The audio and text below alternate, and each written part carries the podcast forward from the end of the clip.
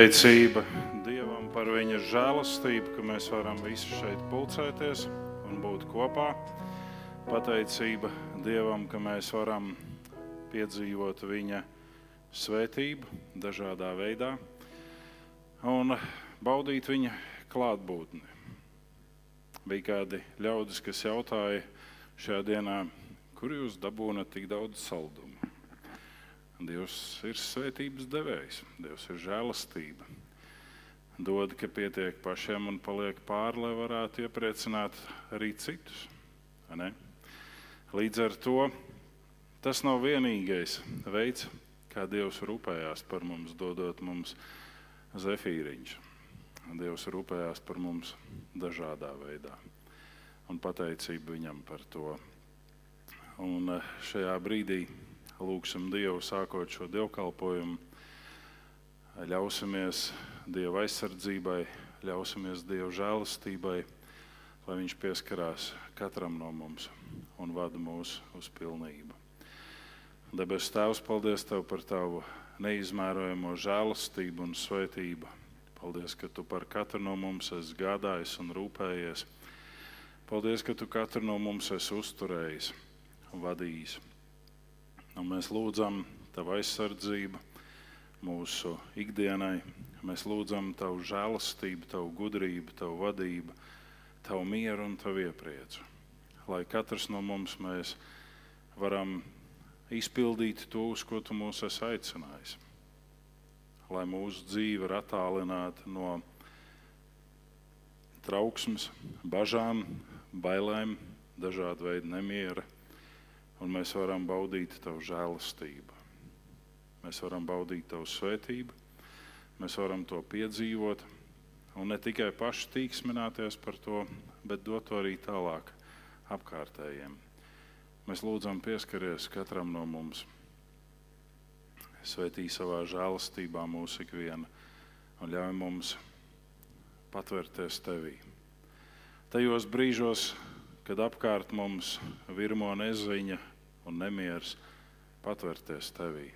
Tajos brīžos, kad ir prieks un laime, patvērties tevī. Mēs to lūdzam Jēzus vārdā.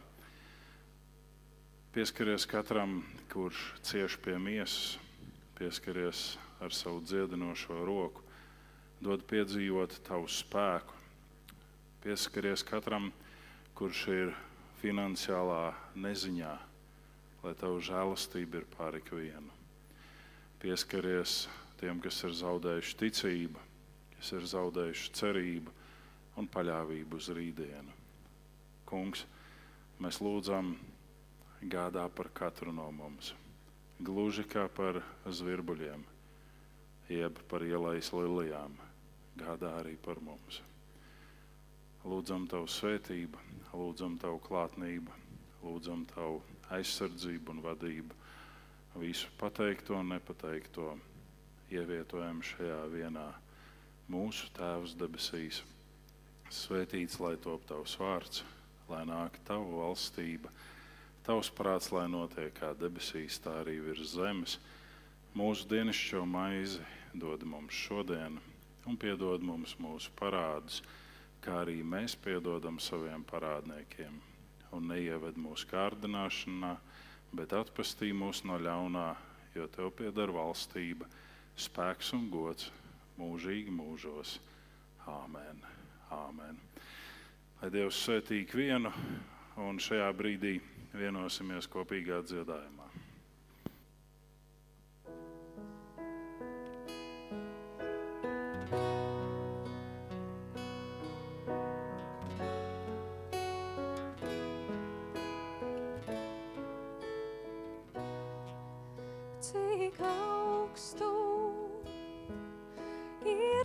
Debesīs, tik liela kungs tava žēlastība ir, cik augstu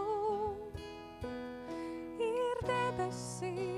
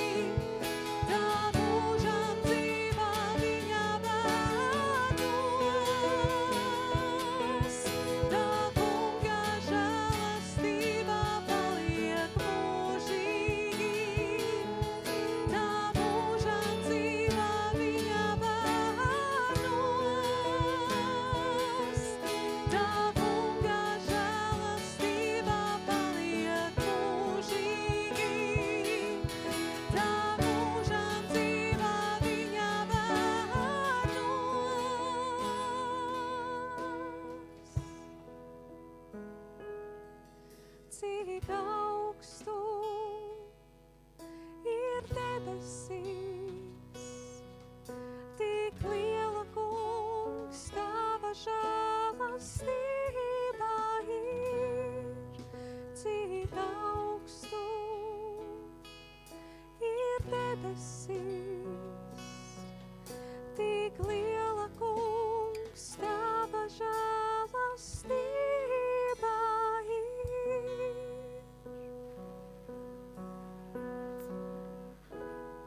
Patiešām, kungs, tava žēlastība ir mums neaptverama, un tā paliek mūžam dzīva tavos bērnos.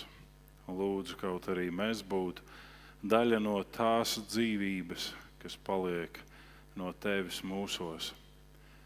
Kaut mēs būtu bērni, kas izstaro tavu žēlastību un dzīvību.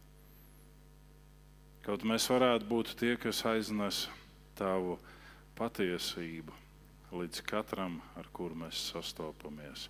Tavu dziedināšanu līdz katram, ar kuru mēs sastopamies, tavu piedošanu, tavu svētību, tavu atbrīvošanu, visu tavu godību. Svētī uz to mūsu katru. Āmen. Šajā brīdī vienosimies Bībeles lasījumā no Mateja evaņģēlīja 24. nodaļas, no 15. līdz 28. pantiem. Bet, kad jūs redzēsiet svētā vietā izpostīšanas negantību, kā caur pravieti Danielu ir pasludināts, kas to lasa, lai saprotu, tad tie, kas ir jūdejā, lai bēg kalnos, kas ir uz jumta, lai nekāpi lejā, paņemt kaut ko no sava nama, un kas ir uz lauka, lai negriežas atpakaļ, paņemt savus drēbes.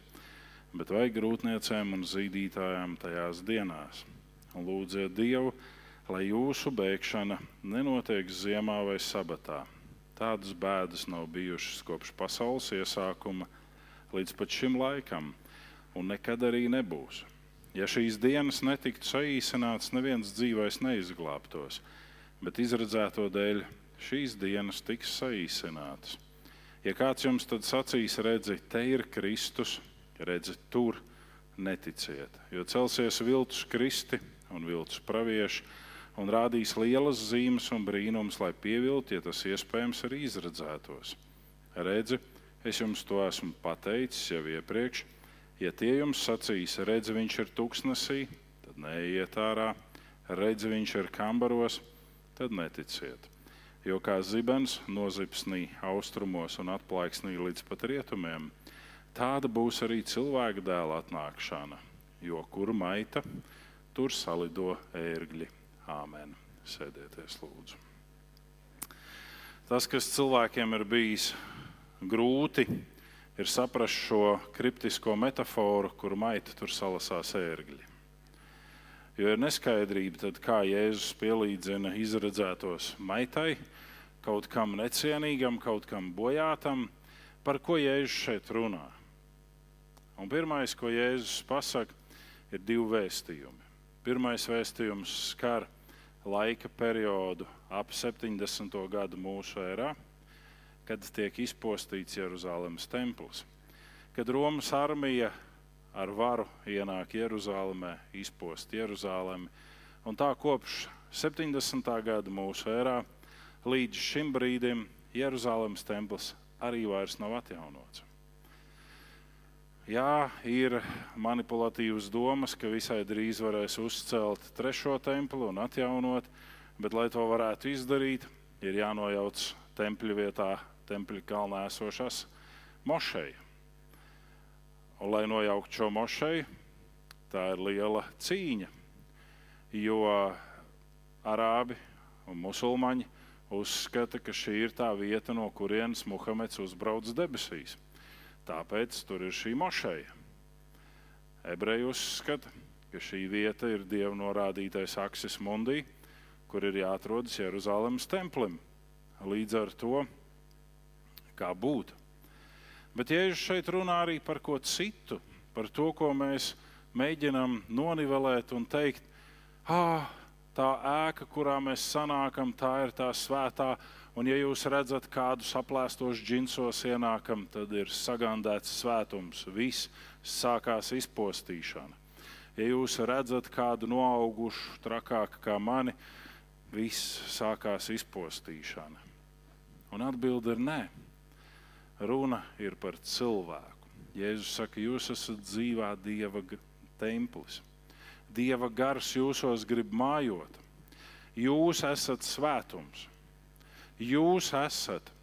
Un šie visi izteikumi runā par cilvēku. Un šeit mēs lasām, ka izpostīšana sākās pie tiem ļaudīm, kuri tiecās pēc svētuma. Ne pie visiem, bet ir kāda autoritāte mums visiem. Katrā situācijā tā ir sava, un cilvēki, kur apgalvo, ka viņiem autoritātes nav, pirmkārt viņi melo, otrkārt viņi liekuļo, un treškārt viņi aplaupa sevi. Ne. Katram ir kādas autoritātes, un vai nu tās autoritātes ir šodien un šeit starp mums, es domāju, dzīvo zemē. Vai nu tās autoritātes atdusās, bet autoritātes ir. Un mēs esam sekojuši šīm autoritātēm. Un mēs redzam, ka ir situācijas, kurās šīs autoritātes ienes apgrēcību sabiedrībā. Un līdz ar to Jēzus saka, kad jūs redzat šādu izpostīšanu, jūs zinat, ka ir briesmīgs periods. Un šī glābšanās nav jau burtiski, ka mums visiem ir airlaiviņās jādodas pāri uz Zviedriju un jāmeklē garīgums tur, bet šī bēgšana ir runa par sevis pasargāšanu, lai sitot ganu, kā tiek teikts Jēzus izteiksmē, ganāmais pulks neizklīstu. Jo gana bieži ir mazas grupiņas, ir lielākas grupiņas, un katrām šīm grupiņām ir kāds gans. Un kad šāds gans saņem sitienu, ganāmais pulks sāk izklīst. Ģimenē tam vajadzētu būt tēvam, kurš ir gans. Citkārt tā ir māte, kas ir kā gans. Un atkal, kad šis gans tiek sists, ganāmais pulks sāk izklīst. Un Jēzus šeit par to runā. Ka tās vērtības, kuras ir bijušas vērtības gadsimtiem, tiek nonivelēts un padarīts par nevērtību, sākas izpostīšana pie svētuma. Sākas svētuma mīdīšana ar kājām. Un tad viņš runā par to, ka ir viltus glābēji.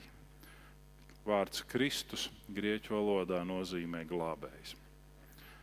Un te nav runa par personu vienu konkrētu, bet te ir runa par šiem glābšanas manipulācijas elementiem. Glābšana ir tur, brīvība notiek tā. Izdari to, un būs tāds rezultāts. Un cilvēki skrien pie šiem glābšanas elementiem. Un mēs sakām, bet uh, tie elementi jau ir labi, tie jau uzlabo mūsu dzīvi. Uh, Atbilde ir nevienmēr. Precīzāk sakot, nē. Un jūs zināt to, ka ir doktori, kuriem pēc noklusējuma patīk griezt. Dod tikai, un viņi griezīs jebko. Un ir doktori, kuriem patīk eksperimentēt, un uh, ir arī cilvēki, kuriem patīk čingstēt par visu. Bija kāda tante, viņa aizgāja pie doktora, un viņa stāstīja, cik viņai ļoti ir slikti ar galvu, un tajā pašā laikā viņai ir ļoti slikti ar vēderu. Un doktors piegāja pie zāļu skāpīša, izņēma tableti, pārlauza uz pusi un teica, tikai nesajaucat. Šī ir galvai, šī ir vēderam. Um, es pateicos ikvienam par aizlūgšanām pagājušajā svētdienā un arī visā nedēļā. Doktors, kura nagos, tā teikt, es nonācu, ir no tās grupas, kurš baidās griezt. Viņš negrib griezt. Un viņš teica, es tevi negriezīšu. Reku ir nosūtījums, ja tu gribi, ej pie cita griezties. Kāpēc? Tāpēc, ka es zinu pēc pieredzes ar to, kas tev ir un ar diagnozi, kāda tev ir. Tev būs sliktāk, ja es tevi griezīšu. Es tevi negriezīšu.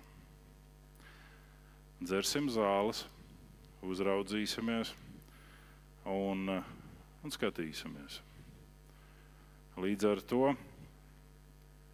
turpinu dzīvot nesagraizīts. Un uh, Petrau kundze var priecāties, ka Emīlis varēs darīt nedarbus, jo doktors viņu nesagrieza. Lūk. Un mums, kā cilvēkiem, ir šī sajūta par glābšanu, par glābšanas aspektu tur, par glābšanas aspektu citur. Atbilde ir viena mums ir viens glābējs. Mums ir viens kungs un pestītājs. Un to mēs pielūdzam, un to mēs slavējam, un uzmanīsimies, ka mēs, kā Dieva svētuma nesēji ikdienā, netopam izpostīti un sagandēti ar ļoti vienkāršām lietām ar ļoti elementārām taktikām. Kāds var iepotēt mūsos bailes, nedrošību, un kāds cits pasniedz viltus brīvību, un mēs esam gatavi skriet šajā virzienā. Bija laiks, kad Latvija iestājās Eiropas Savienībā, un daudz ļaudis bija pret to. Kāpēc? Tāpēc, ka uh, bija savi pierādījumi un pamatojumi, kāpēc būt pret. Bet vesela virkne ļaudis bija par, un viņi teica, tā ir mūsu glābšanas iespēja, tas ir mūsu, kas tad mēs mazā Latvijā esam. Nu, neskatīsimies ļoti tālu vēsturē. Vairāk kā 70 gadus atpakaļ Latvija bija zeme, kas eksportēja uz visu pasauli daudz ko. Un mēs nevaram teikt, ka tikai mēs bijām slaveni ar uh, savu bekonu, bet ar daudz ko. Mēs bijām populāri, pazīstami, atpazīstami. Arī padomi gados bija tā līdzīgi. Un līdz ar to mēs nevaram teikt, ka glābšana nāk no rietumiem glābšana nāk no Dieva. Un, lai dziedot nākamo dziesmu, mēs domājam par to, ka varbūt arī mēs savos domu spriedumos reizēm paliekam netīri, tieši aptraipot sevi iepratīm Dievam, ar to, ka mēs mazāk uzticamies Viņam, bet vairāk uzticamies jebkam citam. Lai Dievs svētī mūsu ikvienu. Es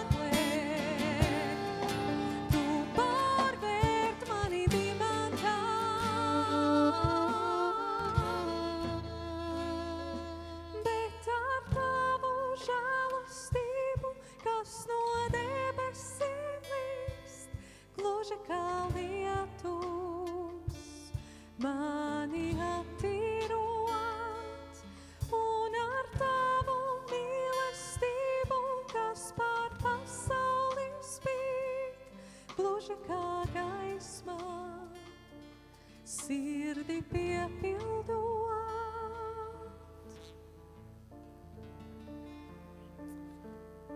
Kungs, tu pārvērti mani dimantā un slavu tev par to, ka ne tikai mani, bet mūsu ikvienu tu pārvērti, tu maini, tu šķīsti, tu audzini, tu svētī.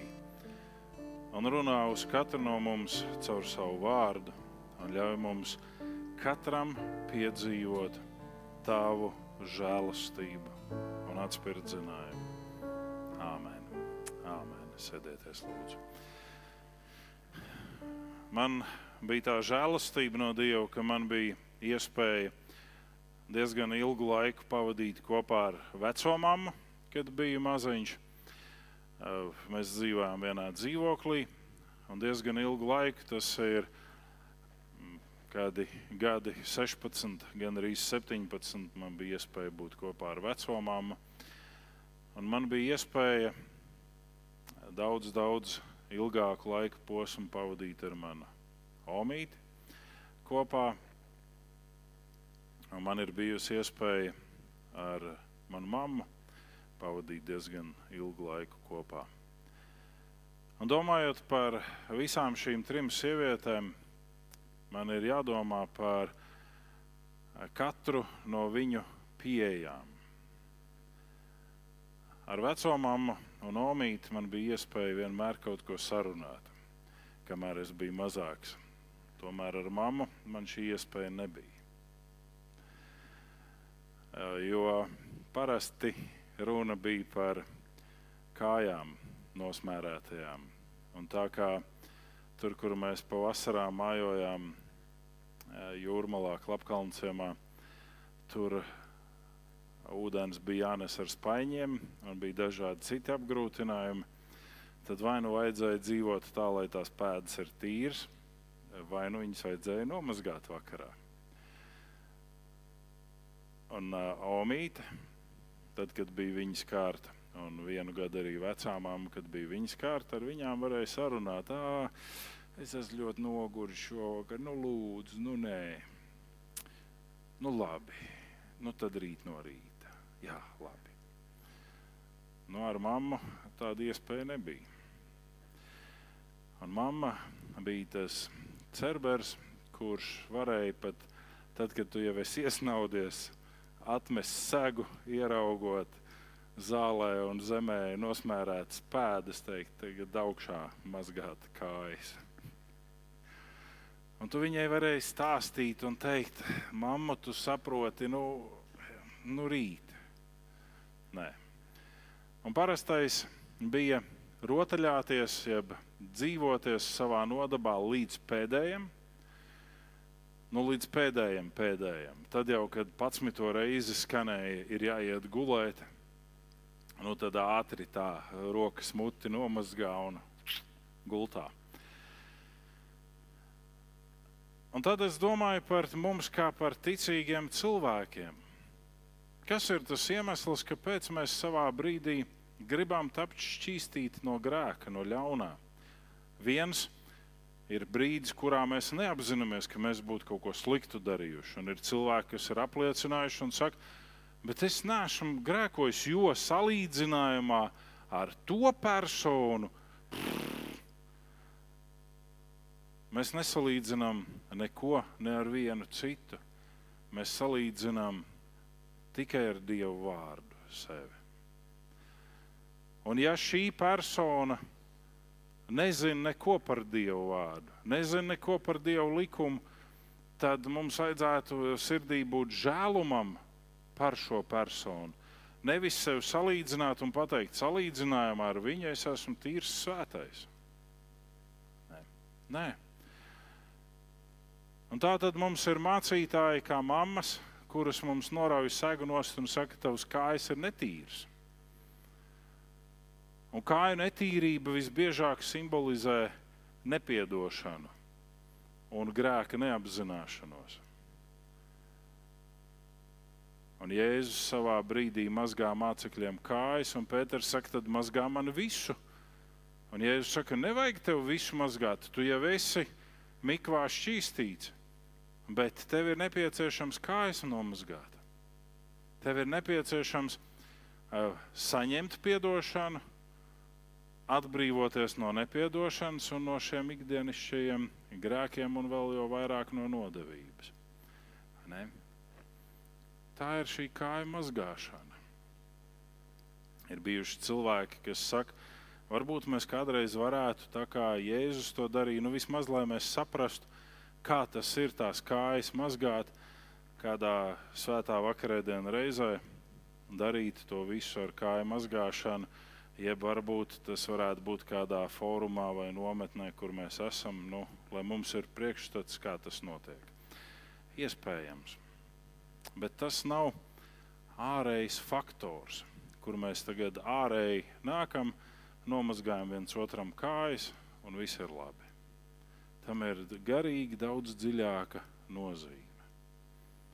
Un mums ir mācītāji kā Omīte un vecāmāma, kurai mēs varam aizmālēt labo sirdi ar domu, ka mēs esam ļoti noguruši. Un tās kājas mēs mazgāsim kādā citā brīdī. Bet paldies Dievam par tiem, kuri liek mums tās kājas mazgāt tagad un tūlīt. Mateja evaņģēlijas 23. nodaļa, 13. un 14. panti uzreiz brīdina, ka tie, kuri skatās jaunajā tulkojumā, tie 14. pantu tur nevar atrast.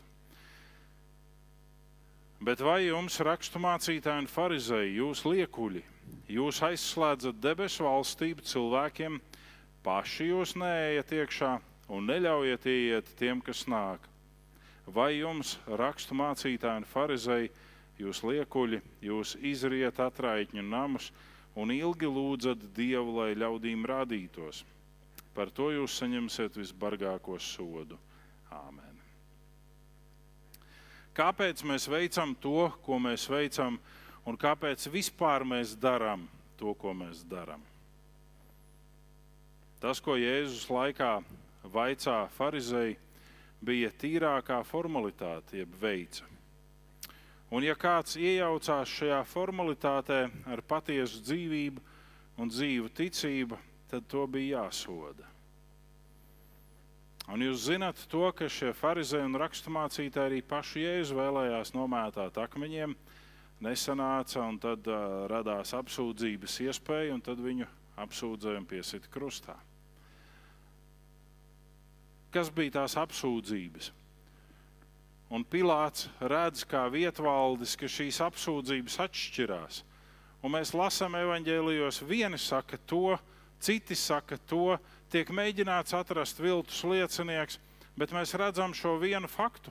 Ja šajā mierīgajā ūdenī, ko bija veidojuši farizēji judaismā, caur formālu ticību, ienāk kāds, kurš saka, jūs esat nobalsināts kapenis, jūs nerīkojaties tā, kā dievam patīk, jūs rīkojaties pilnīgi atžgārni, jūs dzīvojat grēcīgu dzīvi, jūs nenožēlojat savus grēkus.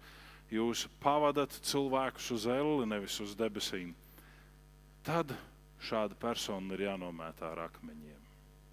Ko tas mums māca šodien? Ka personas, kuras runā par patiesu svētapšanu, svētbību, svētumu, netiek pieņemtas. Ja nāktu persona un stāstītu kaut ko ļoti saistošu, ekstātisku un interesantu. Cilvēki to labprāt klausītos. Es esmu kādreiz to teicis jau ar vairākiem pieejamiem. Šodien varbūt tas mazāk strādā, jo ir pandēmija, vēl joprojām ir ierobežojumi, bet vēl dažus gadus atpakaļ bija iespēja dabūt maksimāli daudz cilvēku baznīcā, uzliekot plakātu, nāciet, būs dziedināšanas dievkalpojums. Cilvēks saskrēja bariem.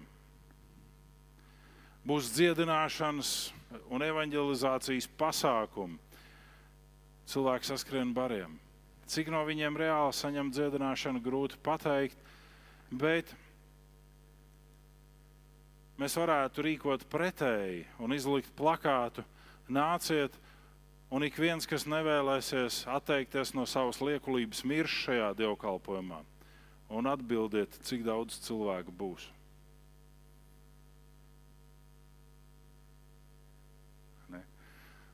Varbūt arī pats mācītājs neieradīsies. Bija mežonīgs sausums. Un es nedomāju par Latviju. Latvijā vēl nebija mežonīgs, lai gan mērsagā meži dega, bet nebija mežonīgs sausums. Bija sauss, bet nebija mežonīgs. Bet bija kāda vieta, kas bija izkaltusi, izžuvusi, ilgstoši bijusi bez lietus. Un ļaudis nespēja vairs nekā savādāk risināt šo jautājumu, ka viņi izsludināja lūkšanu dienu, kurā visi mācītāji un draugu locekļi, kas vēlējās, varēja sanākt vienā no baznīcām un lūgt Dievu. Un sanāca visu šo lūkšanu lielo pasākumu, un gandrīz vai līdz asarām kāda sāka smieties, ieraugot, ka viens no mācītājiem nāk ar lietus sargu. Mums taču ir sausums. Viņš saka, bet mēs taču lūgsim par lietu. Ne?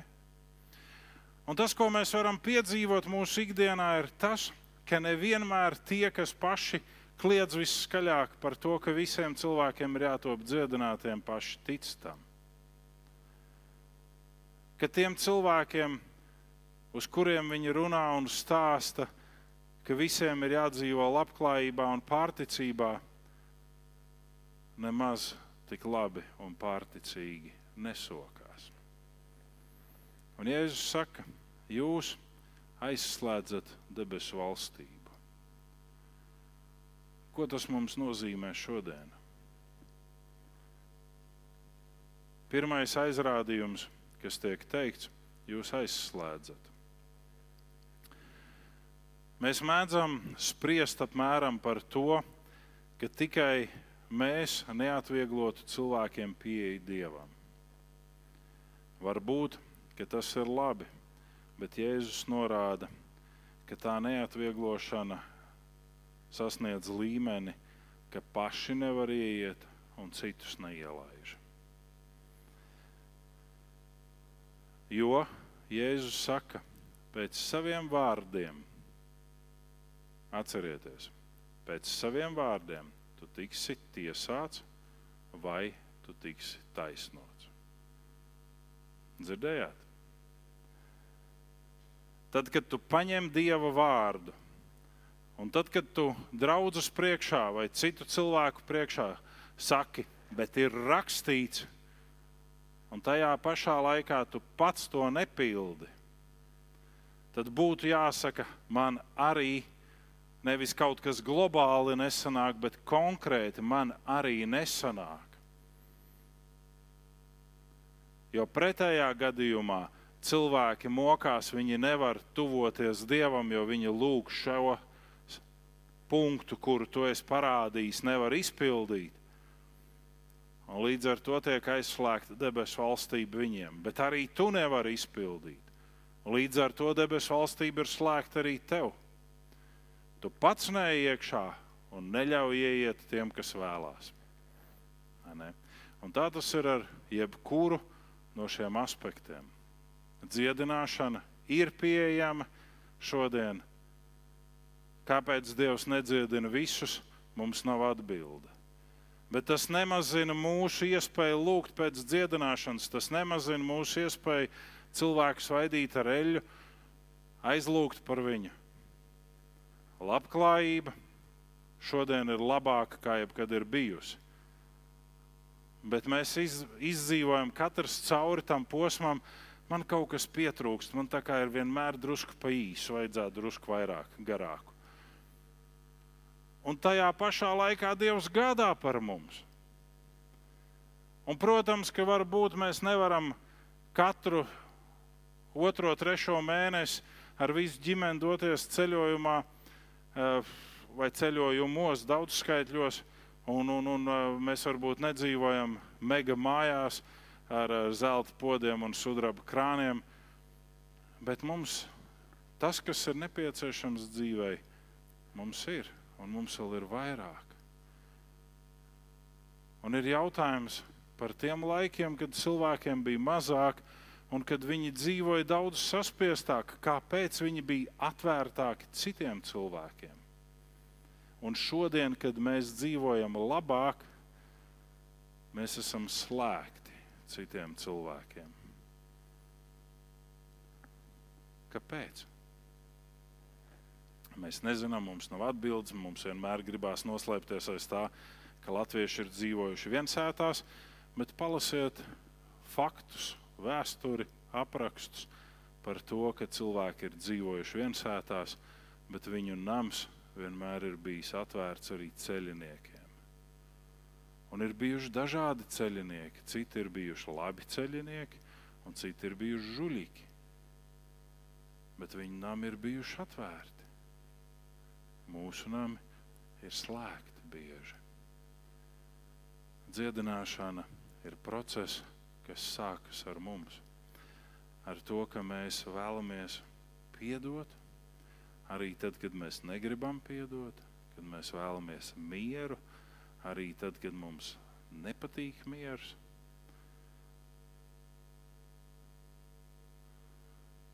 Un tad, kad mēs nevēlamies atvieglot šo tuvošanos Dievam, tad atcerēsimies, ka mēs tiekam tiesāti pēc saviem vārdiem vai arī attaisnoti. Un līdz ar to neuzliksim nastas, kuras mēs paši nesam gatavi nest bet būsim patiesi Dieva bērni visos savos lēmumos un spriedumos. Un Dievu turēsim vienmēr kā numur viens, un viss pārējais būs numur divi. Otrais aizrādījums skan paši nē un citiem nē.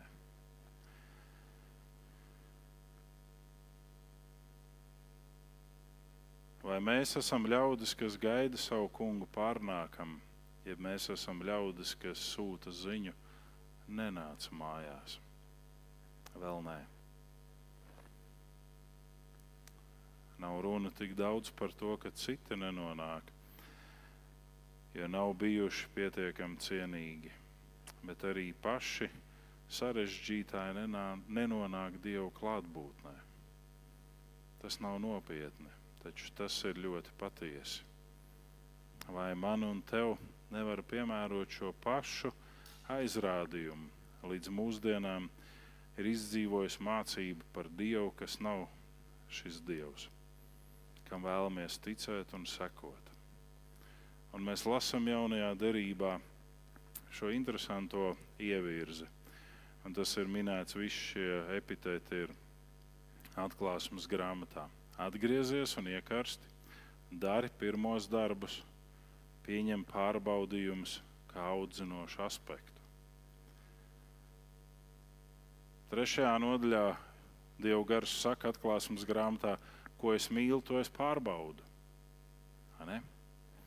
Pirms tam saka, dari pirmos darbus, dari to, ko tu darīji tad, kad tu tiki atslogots no šīs grēka nastas.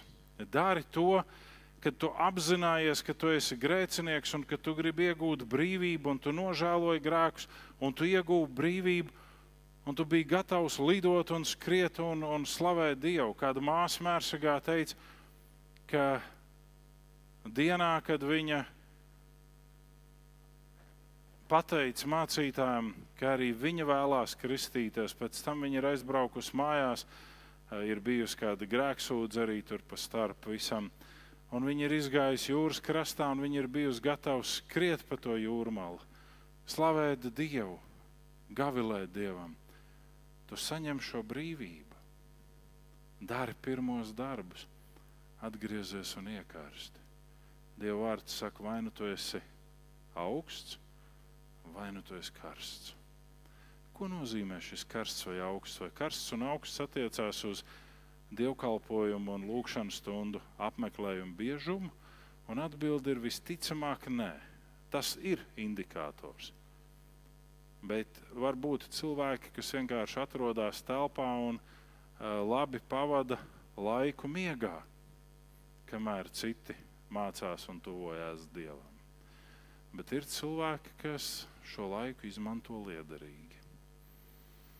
Atgriezies un iekārsti. Kas tad ir šī iekaršana? Tās ir tavas attiecības ar Dievu.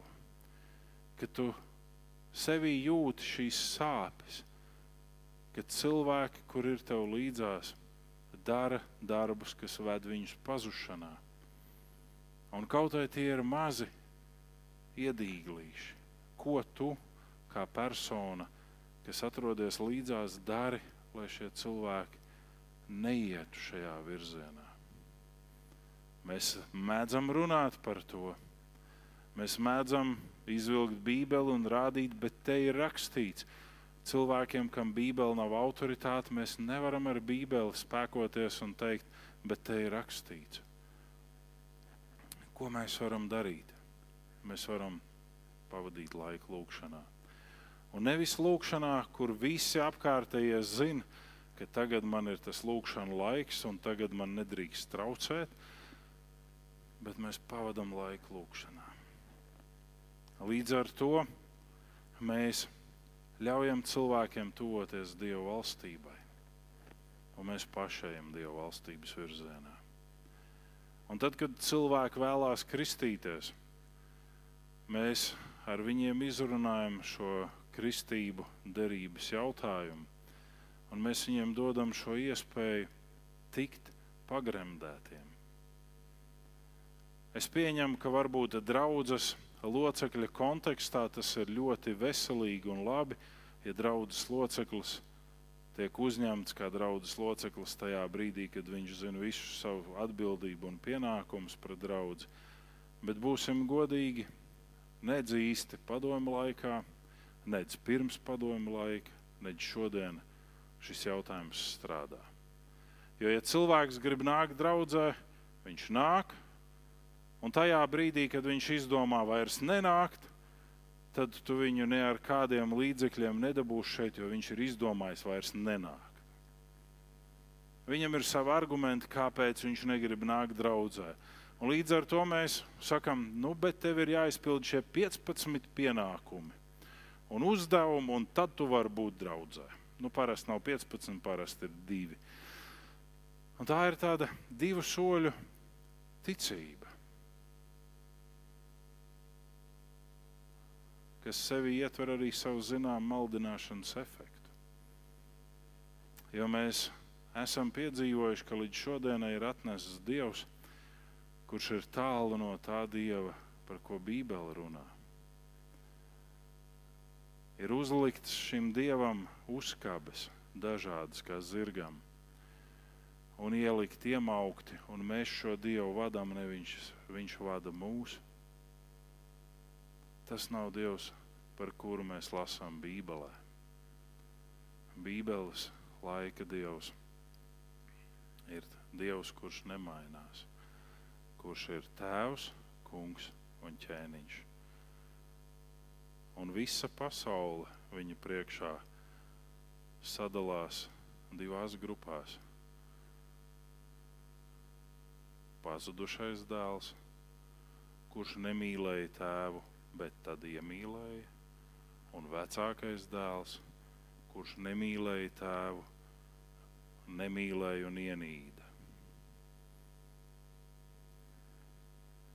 Trešais aizrādījums ir skarbs, garas lūkšanas.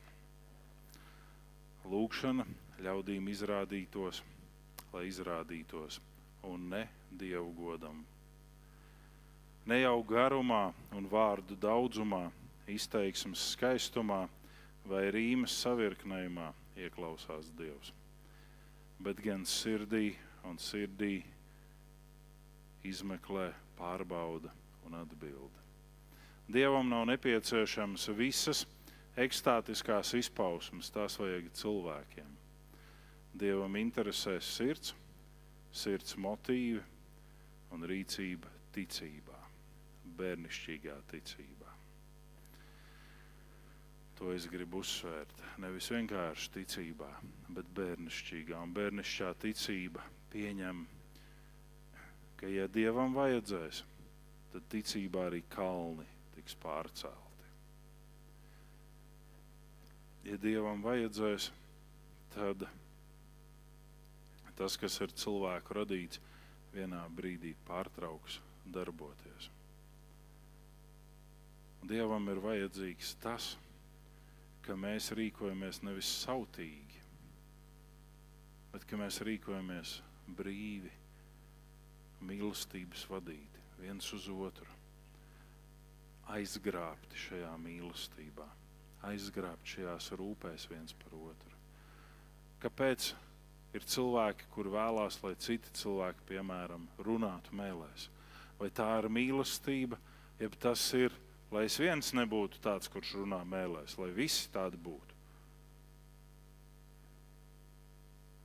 Kas ir tas, kāpēc mēs gribam katram uzlikt rokas un lūgt par dziedināšanu? Vai tas ir tas, ka mēs gribam piedzīvot, ka pēkšņi vienā dienā tas nostrādā un mēs varam būt tie varenie, kas var atvērt savu lūgšanu istabiņu un aicināt visus Rīgas iedzīvotājus vai jebkuras citas vietas iedzīvotājus, lai lūgtu par viņiem, vai tas ir tas, ka mums sirds deg, ka šī slimība šo cilvēku ved bezcerībā. Kas ir mūsu iemesli? Garās lūkšanas, Jēzus saka, nevajag ar tām dižoties. Un ne tādēļ, ka man nesanāktu garas lūkšanas, vai man sanāktu ļoti garas. Viņš saka, tās nerada dievam godu. Un, ja mēs runājam par to turpinājumu un iepriekšējo daļu, kas ir šajā vai aprakstā, tur ir runa par filaktērijām. Jēzus saka, vai jums, jo jūs dižojaties ar filaktērijām, lai ļaudīm rādītos. Filaktērijas ir lūkšanu šallas, lūkšanu jostas un lūkšanu kārbiņas, kurā es ievietoju kādu fragment no svētajiem rakstiem un uzsienu to kārbiņu sev uz pieres. Un es pasaku, Zigrīd, es par tevi lūgšu Dievu, un viņa redzot filaktēriju man uz pieres, saprot, ah, Uģis lūdzu par mani, cik tas ir iedvesmojoši. Ne? Un tad es paņemu savu talitu, lūkšanu šalli. Saku, ah, Inete, tev vajag aizlūgšanas. Es šeit piesienu vēl vienu pušķīti klāt. Un Inete redz, ah, uģis iet, zvārgulītis skan, kas ir piesiets pušķītis, kustās lūkšana skan, slāva Dievam. Ziniet, budistiem ir lūkšana dzirnaviņas. Tāds kātiņš, kārbiņa ar tarkšķošu skritulīti pa vidu kurā ievieto mantru, un tāds atsvariņš diegā piesiets. Un, lai es esmu aizņemta būt, es eju, sastopos ar Anniju, man ar Anniju ir jārunā, pēc tam ar Jāni, otru Jāni, Aiju. Man nav laiks visu laiku lūgt, bet lai jūs visi zinātu, ka es lūdzu par jums, es visu laiku griežu tās dzirnaviņas. Un tās skritulītes skan, dzirnaviņas griežās, mantra arī skan, lūkšana notiek. Vai nav fantastiski? Vai ne? Es piesienu filaktērijas visur, kur es staigāju. Hū, visi redz, kāds es liels lūdzējs esmu. Kam tas rada godu? Dievam? Nē, man. Es lūdzu jūsu priekšā mēlēs, un jums visiem kājas trīc, jo jūs redzat, viņš ir īpašs un mēs tādi nesam. Un Pāvils saka, gribi lūgt mēlēs, ej kambarī un lūdzu. No rīta līdz vakaram, no vakara līdz rītam, cik vien tev ir laiks, lūdzu mēlēs. Draudzes priekšā piecus skaidrus vārdus. Nevis desmit tūkstoši mēlēs. Ne? Apostols Pāvils runāja sliktas lietas, vai ne? Viņš teica, neizrādies cilvēkiem, izrādies Dievam. Dievs, kurš pārbauda sirdis, zinās tavus motīvus un aizsargās tevi un būs tavs atbalsts. Mēs lasām tādu interesantu izteiksmi Ieba grāmatā, 22. nodaļā, 21. pantā. Manuprāt, tas ir Elihus, kas šos vārdus saka, viens no Ieba draugiem. Bet šie pants un šie vārdi skan arī uz mums, katru. Jaunajā tulkojumā ir teikts, izlīgsti ar Dievu un turi mieru, tā tu vēl sagaidīsi labu. Iepriekšējā tulkojumā ir teikts, iedraudzējies taču ar Dievu un saglabā mieru ar viņu visos savos ceļos. Tas ir izlīgsti ar Dievu no tā aizvainojuma pilnās daļas, kur tu dievam un visai pasaulē liec redzēt sevi, atklāji dievam, ka tevi interesē viņš un visa pasaule. Pat ja tu paliktu ēnā, pat ja tu paliktu neievērots, galvenais ir Dievs un visa pasaule. Un mēs ejam soli tālāk. Iesim un kalposim tam kungam ar patiesu sirdi un dziļi iekšējām rūpēm. Mūsu darītais nav ārējais un cilvēkiem sumināmais, bet iekšējais un apslēptais sirds cilvēks. 1. pētera vēstule, 3. nodaļa, 4. pants mums māca, bet gan sirdī paslēptais, iekšējais cilvēks, rāma un klusa gara neiznīcīgajā skaistumā Tas Dievu priekšā ir dārgs. Tas. Nevis tas, ko visa pasaule var redzēt, nevis tas, ar ko mēs dižojamies visiem priekšā un aizmugurē, bet tas, ko neredz neviens. Tas Dievam ir derīgs. Vai jūs zinat, kas par cīņām bija Mārtiņa Lutera sirdī? Kad viņš tulkoja jauno darību vāciski. Mēs zinām tikai to, ka šajā epizodē viņam parādījās Sātans. Un viņš drosmīgi ņēma tintnīcu un svieda to pret sienu pirms kuras bija parādījies Sātans šajā cellē.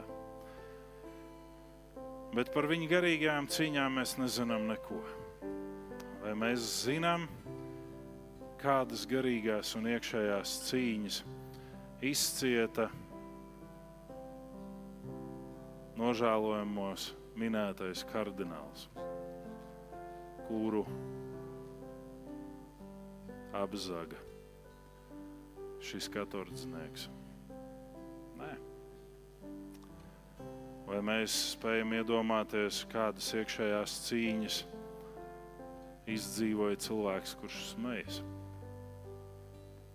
Nē.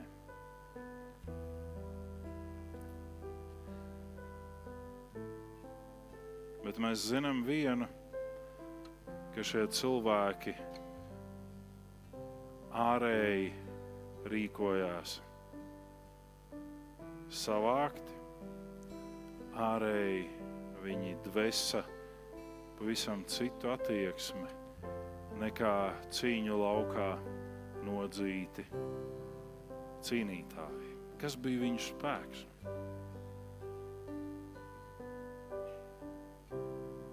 Viņu spēks bija kungs.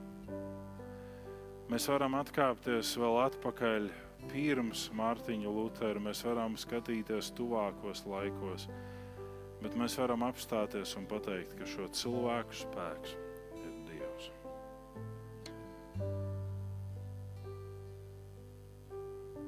Jūs zinat šo notikumu, bet es vēlos to vēlreiz atkārtot. Ka ir šis misionāru pāris, kas kādā dievkalpojumā piedzīvo Dievu pieskārienu, un viņi vēlās doties misijā uz nekurieni, un šiem nekurienes iedzīvotājiem stāstīt par Dieva mīlestību, par Jēzu Kristu.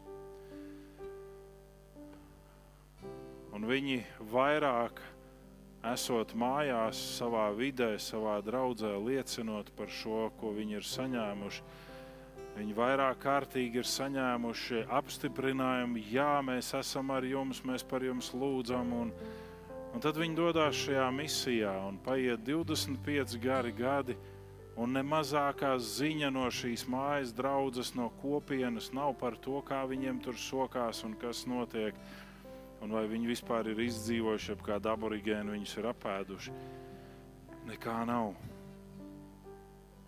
Un tad viņi nomākti, salauzti, nokalpojuši šo laiku, dodas atpakaļ uz mājām, dodas atpakaļ uz Savienotajām valstīm.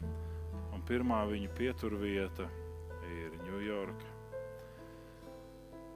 jo tur visvairāk ienāk starptautiskie reisi. Šī sieviete ir zaudējusi ticību. Viņai neeksistē vairs nekā. Viņa dzīvo depresīvās asarās visu laiku. Un viņas vīrs mēģina viņu savākt un stiprināt, cik nu tas ir iespējams. Viņi ielido Ņujorkā un sievas acīs parādās dzirksts. Un viņa saka, paskaties, es neticēju, ka mūsu tās sagaidīs ir sarkans tepiķis, paklājs. Ir cilvēki ar baloniem, ar karogiem, ar ziediem. Viss perons ir pilns ar ļaudīm. Pat policija mēģina norobežot šos cilvēkus, lai lidmašīna netiktu aizstumta uz citu peronu. Viņi saka, oh! Un viņi pat nepaņemot rokas bagāžu, steidzās uz izēju, prieku pārņemt, un vīrs ar somām seko viņai. Un stūrāts saka, stop. Vispirms, lai izkāpj ļoti nozīmīgā persona, kas tiek sagaidīta. Un uz trapu virzās Maikls Džeksons un izkāpj Un viss šis pūlis izrādās nav dēļ šī pāra, bet dēļ Maikla Džeksona, kurš izkāpj un pūlis pazūd līdz ar viņu. Un šī sieva sabrūk, redzot, ka precīzi neviens ir ieradies sagaidīt viņus. Un viņas vīrs turpat uz trapa noliecās pie sievas, apliek viņai roku un saka, mīļā. Būtiski ir tenī dienā, kad mūsu lidmašīna piestās gala stacijā. Kad piecelsies eņģeļi, svētie un Jēzus.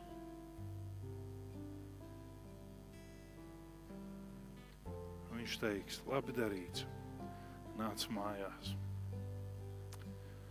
Un mēs kā cilvēki parasti cīnāmies šajā, un mēs sakām, nevar būt. Nu, nu, kāpēc man ir tikai tur jāsaņem kaut kāds novērtējums, kaut kas? Tāpēc, ka šeit mēs varam saņemt arī liekulīgi un krist dziļāk depresijā. Mūsu uzdevums ir saņemt mūsu kunga novērtējumu. Nevis šeit šo vietējo. Protams, ka ir patīkams vietējais, bet vietējo mēs neizpelnīsimies ar garām lūkšanām, kā vien liekulīgu novērtējumu.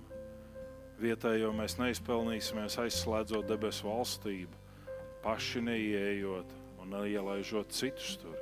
Un vietējo mēs neizpelnīsimies nododot svētumu iznīcībai.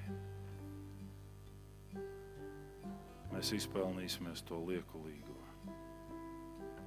Mūsu uzdevums ir iet šajā distancē un sasniegt mērķi. Lai tajā dienā, kad ikvienam no mums kungs teiktu, labi darīts, nāc mājās, mēs varētu iet mājās nevis kā uz nezināmo, nevis kā uz zūdošo.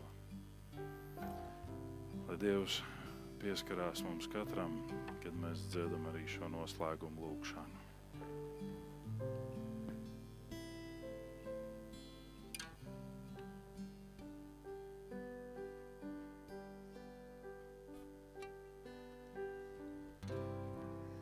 Kungs uzlūko.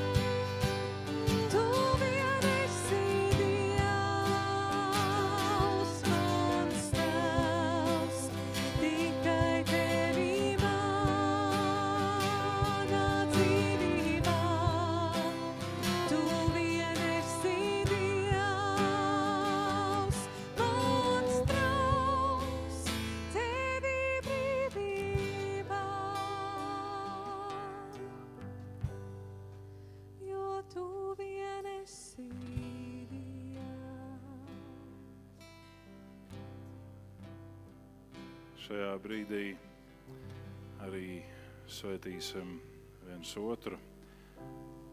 Saņem, saņēmuši svētību no Dieva, dosim to viens otram. Kungs tevi svētī un tevi pasargā. Kungs uzlūko tevi ar lapatiku un dod tev savu mieru. Kungs apgaismos sevi, tevi, savu vaigu uz tevi un ir tev žēlīgs. Lai Dievs svētī jūs ikvienu un ik mirkli.